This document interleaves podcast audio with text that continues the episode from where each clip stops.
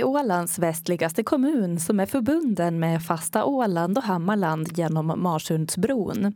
På slutet av 1980-talet vände avfolkningstrenden och sedan dess har befolkningsantalet i kommunen vuxit sakta men säkert, främst på grund av inflyttning. Den 31 december 2018 hade Eckerö en befolkning på 961 personer. Senaste gången så många bodde i kommunen var på 1940-talet. Antalet bilar i kommunen är dock fler än människorna, totalt 1140 stycken bilar. Under den senaste tioårsperioden föddes 78 nya invånare medan 108 dog. Tack vare inflyttningen ökade befolkningen ändå med 40 personer. Runt 451 Eckeröbor är yrkesarbetande och inom kommunens gränser finns hela 261 arbetsplatser. 42 procent av de yrkesverksamma har sin arbetsplats i Eckerö.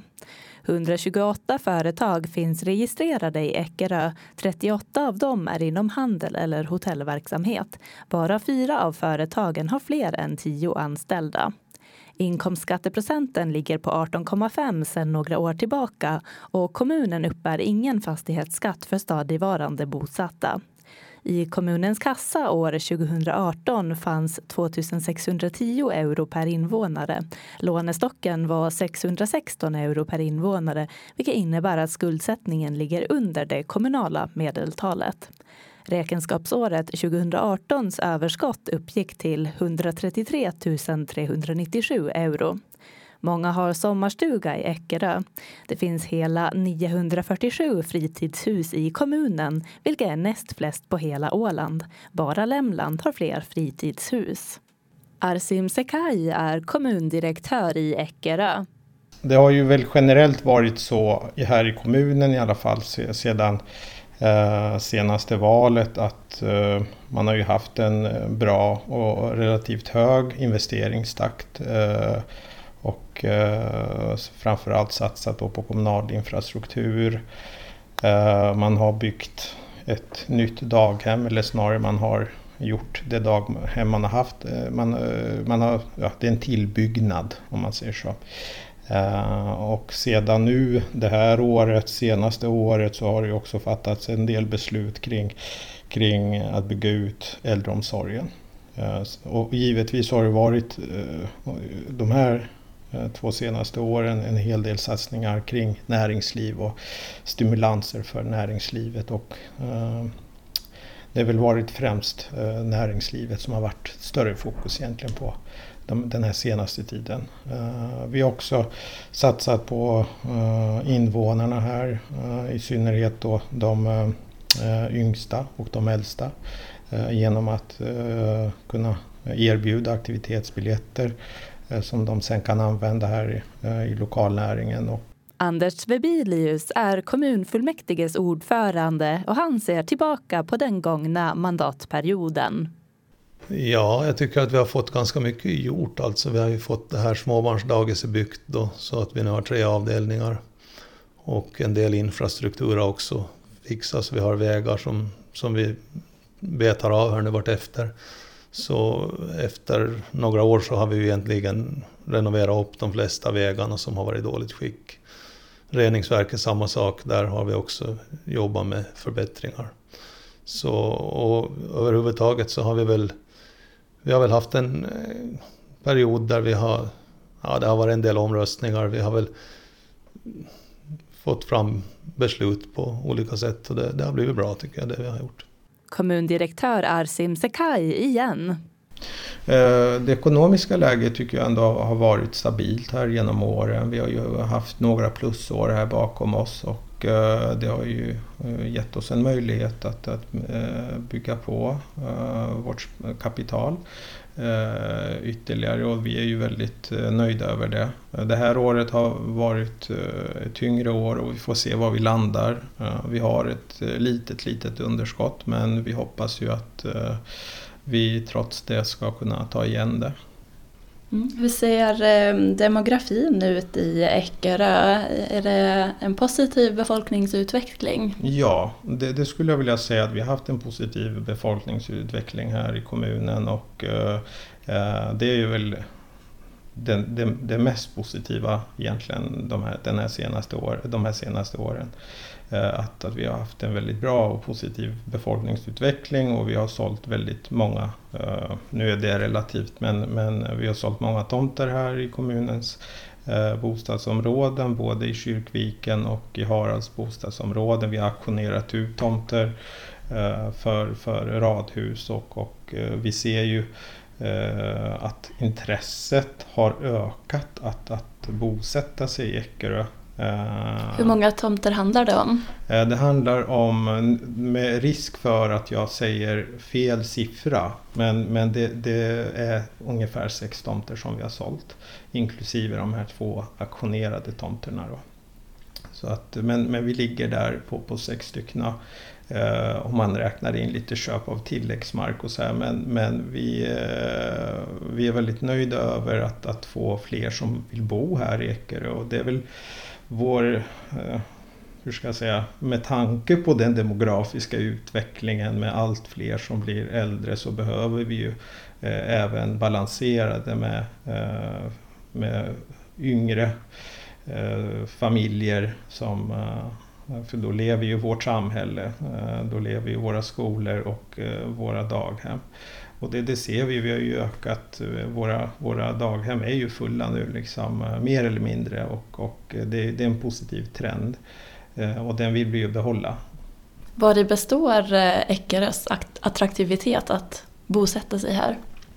Jag tror väl att det är dels, dels har vi ju den här senaste tiden varit mer offensiva ute på marknaden. Eh, och eh, det tror jag har bidragit eh, till att vi har synts i, i de sammanhang där man behöver synas. Och sen är det ju så att vi, vi har ju en egen färja till Sverige. Vi har en fantastisk Eh, natur här ute. Nära, allt är ju nära havet här men vi har ju eh, en, en eh, oerhört vacker omgivning och trygg omgivning. Och det, sådana faktorer är ju också väldigt viktiga. Sen är det ju samhällsservicen givetvis med daghem och skola. Men det har ju de flesta kommuner givetvis. Men, men, så att allt sammantaget tror jag men att vi nu också varit mycket mer offensiva och satsat och där behövs det. det. Det, kan jag väl också säga är en generell brist att man kanske inte riktigt vågar vara så offensiv som man behöver vara eh, när det gäller just marknadsföring. Där måste man satsa mycket, mycket mer eh, för att förekomma i de sammanhang som man behöver förekomma. I kommunalvalet den 20 oktober ställer kandidater upp på tre listor. Valförbund Samlingslistan för Eckerös framtid är ett valtekniskt samarbete mellan partierna Obunden samling och Moderat samling för Åland. Samlingslistan har 15 kandidater. Samarbetslistan för Eckerö är partipolitiskt obunden och ställer upp nio personer. Ålands socialdemokrater har sin egen lista som två personer kandiderar för. Den nuvarande kommunfullmäktiges ordförande Anders Webilius hör till obunden samling. Hur skulle du beskriva det politiska livet i Eckerö?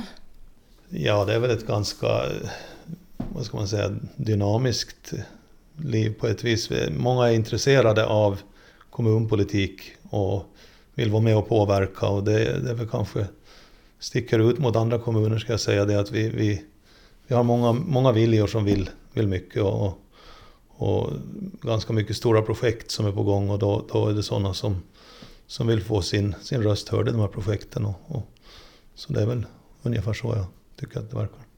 Mm, du säger att det finns ett stort intresse för att påverka. Ändå så är ju Eckerö den kommun som haft den största procentuella minskningen av antalet kandidater där man då i valet 2015 hade 38 som ställde upp och nu 26 kandidater inför årets val. Vad tror du den här minskningen beror på? Det är väl kanske svårt att säga. Det, det vi ser är ju att eh, de yngre så har i mindre grad liksom anslutit. Det, det är mera äldre som blir kvar. Och, och vad det beror på det vet jag inte egentligen. Det, det kan väl vara ganska nötigt också att vara politiker. Man får ta en massa ovett kanske och så vidare. Och, och kanske inte intresse är så stort bland, bland yngre, tyvärr. Då. Det borde, vi borde ha flera yngre som är med och, och påverkar sin framtid faktiskt. Landskapsregeringen har ju då dragit igång den här kommunreformen och, och det gör på något vis att, att det blir ganska jobbigt. Man jobbar i motvind. Det, det är inte så lätt att, att få, få igenom saker och ting mera för landskapsandelar ska dras ner och, och det, blir, det blir ganska jobbigt för, för kommunerna. Och, vem vill börja med någonting som man upplever som jobbigt? Det är kanske det också. I eh, valet 2015 var 74 procent av eh, kandidaterna män. Och också en majoritet i fullmäktige var män, även om kommunstyrelsen då har eh, blandat med män och kvinnor. Och också i år är 20 av 26 kandidater män. Vad beror den här mansdominansen på? Varför lockas inte kvinnor till eh, kommunpolitiken? Ja, det är väl svårt att säga vad det beror på egentligen. Det, man brukar ju säga det att kvinnan har mera att göra, hon har hemmet att ta vara på. Och eh, då blir det jobbigt att vara kommunpolitiker också. Nu har vi ju försökt, åtminstone den här obundna listan har vi ju då fem kvinnor och sju män. Så vi har väl någorlunda, vi har väl försökt få så mycket som möjligt kvinnor med. För det är väldigt viktigt att vi får en, en demokratisk fördelning av kandidater. Mm.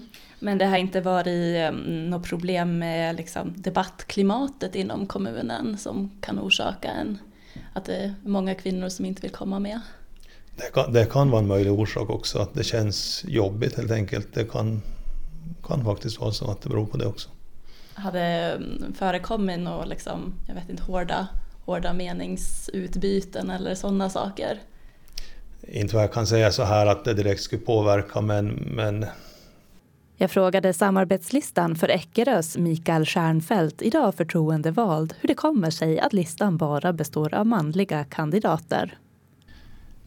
Det är verkligen ledsamt att det är så. Vi har haft flera kvinnliga kandidater på gång, men eh, de har helt enkelt valt att inte ställa upp i fullmäktigevalet. De säger att de gärna är med och arbetar och jobbar i nämnder och så vidare men de vill inte stå på en lista då för fullmäktigeval. Och vad det sen beror på det kan man analysera. Det kan vara debattklimat, det kan vara familjeförhållanden, det kan vara många olika orsaker men vi har tyvärr inte lyckats få någon att ställa upp då i fullmäktigevalet. Mm, hur är det lokalpolitiska klimatet i Eckerö egentligen? Finns det konflikter? Inga jättestora konflikter. De konflikter som finns så är väl egentligen de här stora konflikterna som gäller inom, inom landskapet och kommunreformen och sådana här saker. Att, eh, hur, ska, hur ska allting lösas och hur ska det bli i framtiden? Internt så är vi nog egentligen ganska långt överens i det mesta. Och det är ju också därför vi tyckte att samarbetslistan vore det naturliga. Att vi jobbar ju för våra lokala frågor och sakfrågor. Och det finns egentligen inte riktigt utrymme för någon partipolitik. Då. Och då, målsättningen var ju att egentligen ha en partipolitiskt oberoende lista då för hela kommunen. Men tyvärr så är det då vissa partier som inte vill kliva på det tåget utan man vill hålla sig kvar vid sina egna, egna listor. Ja, i ett pressmeddelande så nämner samarbetslistan bland annat historiska oförrätter och prestige som delorsak till att vissa politiker valt bort att vara med på samarbetslistan. Ja, det kan väl kanske handla mycket om personkemi i många fall också. Att, att vissa kandidater vill inte kandidera med andra kandidater och så vidare. Sen vad de har för bakomliggande orsaker till det, det kan ju variera. Men eh, sen prestigen, det är väl kanske just den här då politiska märket så att säga. Att man vill stå under ett visst märke. Man vill vara moderat eller obunden eller socialdemokrat. Och ja, det är väl kanske det. Mm, du sa att eh, en av orsakerna till att kvinnor eh, kanske inte ställer upp i lokalpolitiken skulle kunna vara debattklimatet. Eh, finns det ett hårt debattklimat i Ekerö? Av och till så kan det väl vara lite grann i vissa frågor men, men eh, Nej, inte generellt, men, men du blir ju väldigt utsatt som politiker. Och man blir ju en mer offentlig person och allt man säger och gör kan ju vägas och hållas emot dig. Mikael Stjernfeldt sa det. Tillbaka till Anders Webilius. Eckerö har ju många företag, främst småföretag men också några lite större. Vad tror du att det är som eh, gör att Eckerö ja, attraherar så, så många företag? Ja, Eckerö har ju då haft ett rederi ganska länge som har trafikerat här och, och, det har ju betytt att det har ju skapat ringeffekter. Och nu har vi då ett, egentligen ett gryende näringsliv. Fifax etablering skedde ju här och kommunen har industritomter i närheten av Fifax där det finns ett intresse för ytterligare verksamheter. Och en intressant sak är ju det att, att i Eckerö då så finns det arbete. Av de som jobbar här så jobbar hela 42,7 procent och det är enligt den här PVC-utredningen som regering, landskapsregeringen gjorde 2016 så jobbar hela 42,7 procent i kommunen medan närliggande kommuner då ligger mellan 20 och 25 procent. Så det är ganska stor skillnad på arbetsplatser i kommun där. Och det här är ju någonting som jag tycker man borde titta på från landskapsregeringens sida. Att vad, vad Ekerö gjort som är så bra liksom, eftersom man har arbetsplatser hemma i kommunen. Har du någon eh, teori kring, eh, kring vad det är kommunen har gjort rätt på det viset? Jag tror att det har, det har betydelse det att vi har ett rederi här och sen är det nog faktiskt så att vi har väldigt många människor som är intresserade av näringsliv och, och så vidare, alltså att etablera verksamheter. Och politiker som också har jobbat för att få hit, ta nu Fifax, Allhallen, curlinghallen kom ju kanske av sig själv också delvis för de ville etablera sig här. Men man fick hjälp att etablera sig. Och det har gjort att det har samlats ganska mycket verksamheter här på Eckerö. Så det är nog lite framsynthet hos politiker, skulle jag säga. Som har skapat en stark företagaranda? Ja, det finns en skarp, stark företagaranda här i kommunen som gör att, att, att man gärna vill etablera nytt här. Och, och det här är ju någonting som kanske försvinner om man inte har den här regionala bestämmanderätten som vi har idag i kommunen. Att, att en kommun bestämmer själv över vissa saker. Så det ser du som en av riskerna med kommunsammanslagningen? Det är en stor risk med kommunsammanslagningen för det är ju ingen som för Eckerös talan på samma vis den dagen som vi inte har ett fullmäktige och, och styrelse här. Så är det.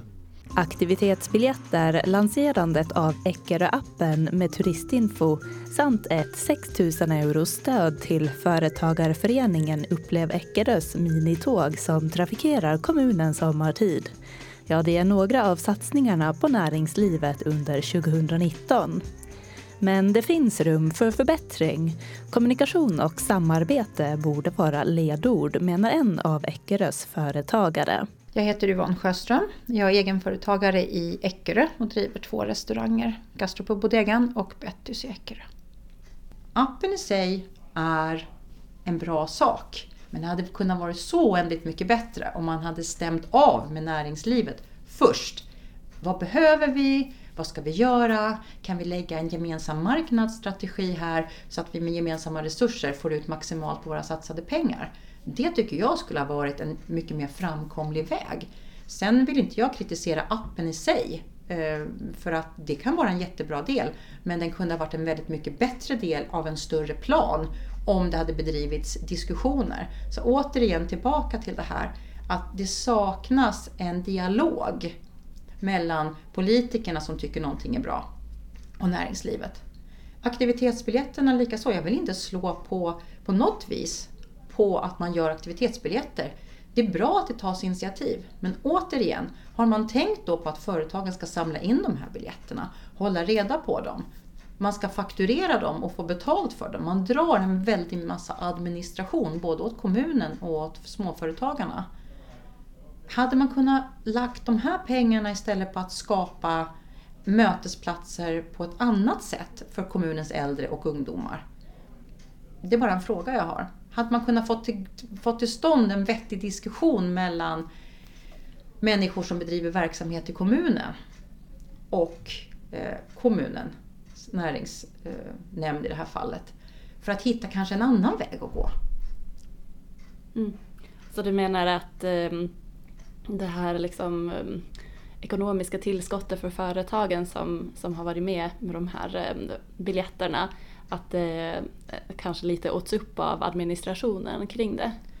Ja, inte så, men om jag säger så här. Jag har fått in ganska mycket aktivitetsbiljetter. Jag fakturerade i, senast igår några stycken. 80 euro fakturerade jag. Så att om jag säger så att för att få in 80 euro Eh, och samla ihop alla de här biljetterna och fakturera och måste skicka den per, med snigelposten. För att de, alla, alla biljetterna måste ju vara med när jag fakturerar. Jag kan inte ens skicka den via nätet som jag normalt sett gör med mina fakturer. Jag tycker kanske att man skulle ha tagit de här, den här bunten pengar och sett över till exempel, hur kan vi göra aktiviteter inom kommunen? För det, det de äldre behöver, som de klagar på när de kommer hit, är att jag vill inte gå ut och äta lunch ensam. Jag vill inte sitta ensam vid ett bord. Kan man ordna lunchträffar?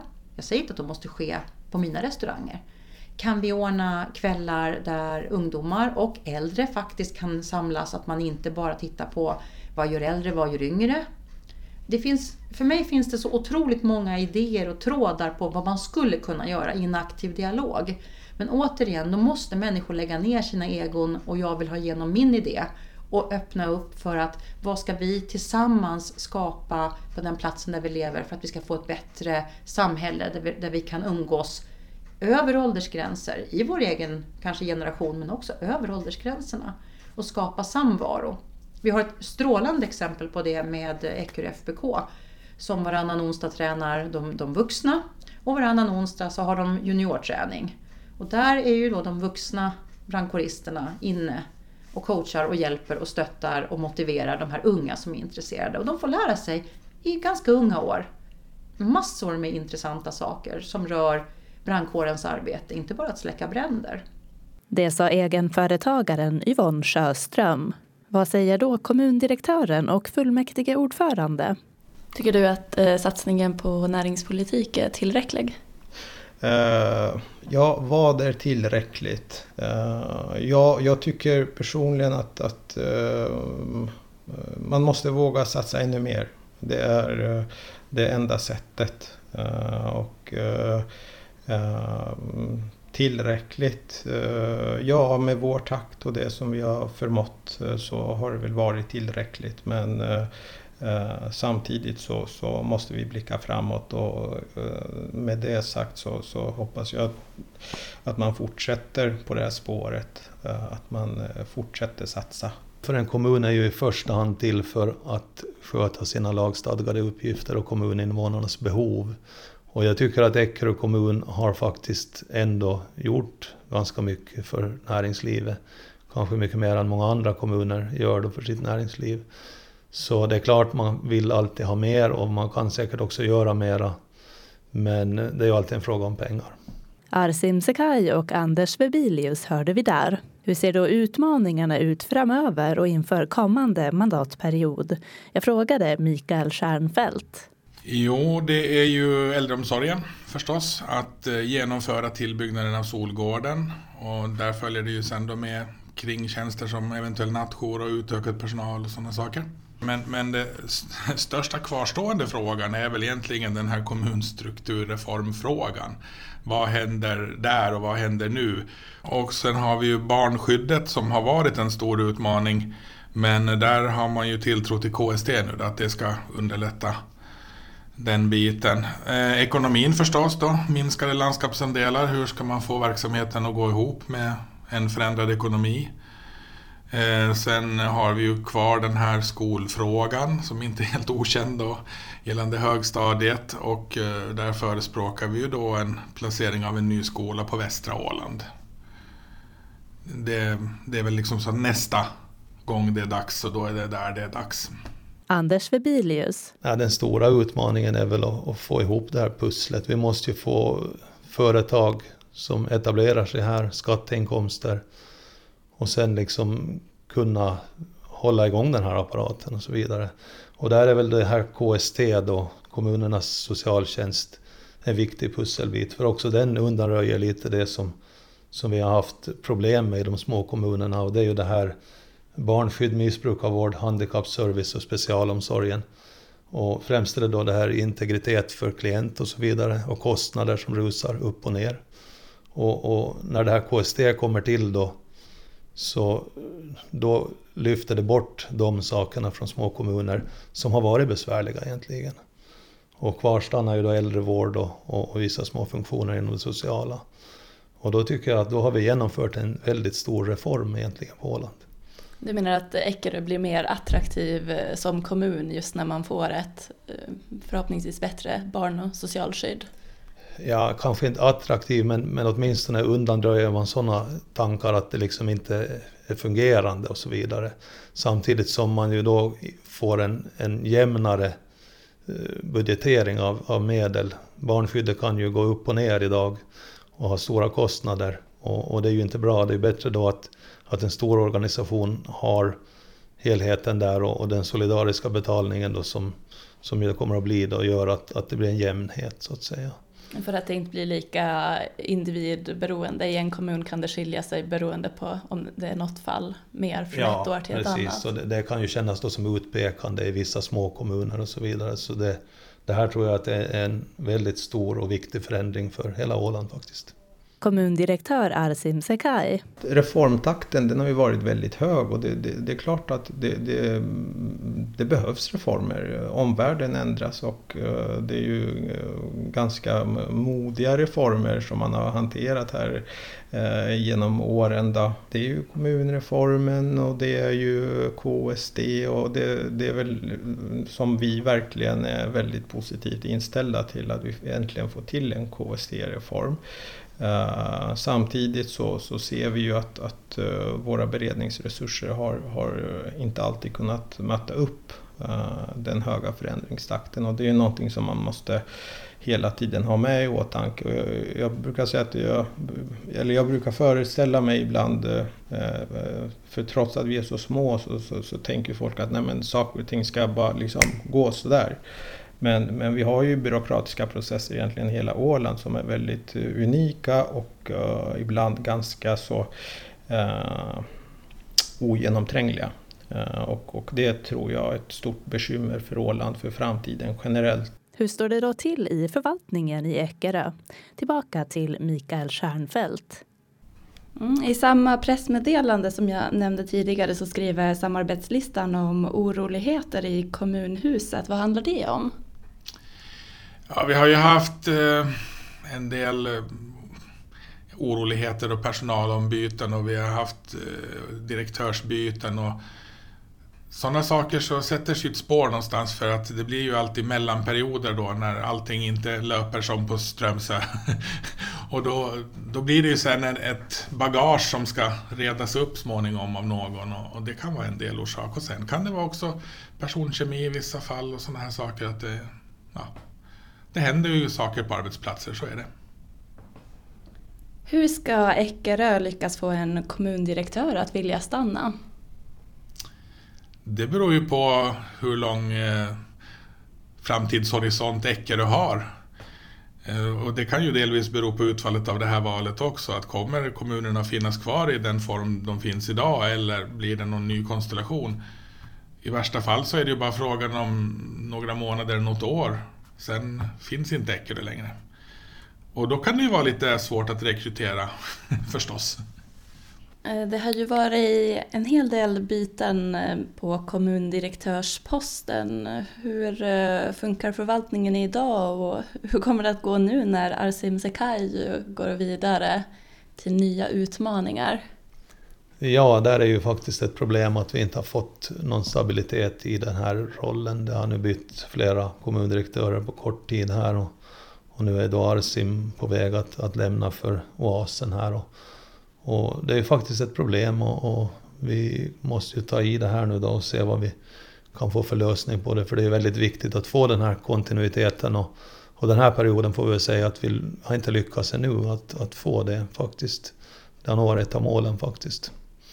Men tyvärr inte ännu då.